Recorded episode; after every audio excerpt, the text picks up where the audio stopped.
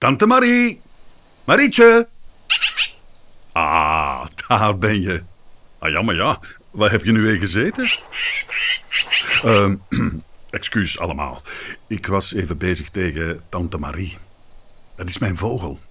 Een tamme ekster. Maar Marie, dat was ook mijn vrouw. Wacht, het is misschien wat ingewikkeld. Ik zal het even uitleggen. Ik ben opa Arthur. Aard voor de vrienden. En ik woon al heel mijn leven in Brugge. Vroeger woonde ik hier samen met mijn vrouw, Marie. Of Marietje. Maar iedereen zei Tante Marie. En ik zei soms gewoon Tante. Maar dat was alleen als we een beetje ruzie hadden. Bijna nooit dus. Op een dag is mijn Marietje ehm, blijven slapen. Ze lag rustig naast mij in ons bed en s'morgens bleef ze liggen. Ik had het eerst niet door. Ja, want zoals altijd was ik al heel vroeg uit de veren. En tijdens mijn ochtendwandelingetje in de tuin vond ik achteraan in onze tuin, onder de grote eikenboom, een klein eksterjong op de grond. Het kon nog niet vliegen. Voorzichtig pakte ik het mee naar binnen en zette ik het in een schoendoos. Ik gaf het kleine vogeltje een beetje water en ook een paar stukjes brood. Zo van dat zachtbrood dat aan de binnenkant van de witte pistolet zit.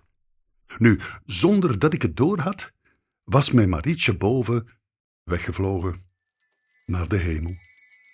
Maar in haar plaats kwam er een klein ekstertje in mijn huis.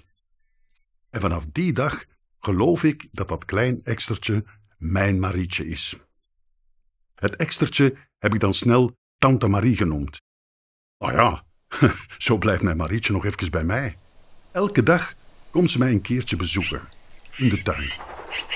Soms komt zij ook op mijn schouder zitten. Zelfs wanneer ik door de stad wandel, vliegt ze mee. En wij gaan vaak samen op stap in Brugge. Brugge is een heel schone stad.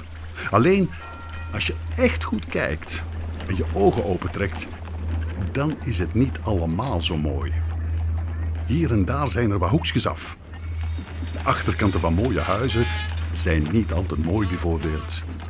En er zijn ook heel veel plekjes waar het vuil en vervallen is. En daar ga ik dan naar op zoek. Naar zo van die verborgen plekjes in de stad die niet zo mooi zijn. Waarom ik dat doe? Ah, wel, dat is omdat ik mijn verdriet voor mijn Marietje op zo'n donker plekje even kan neerleggen. Dat helpt mij.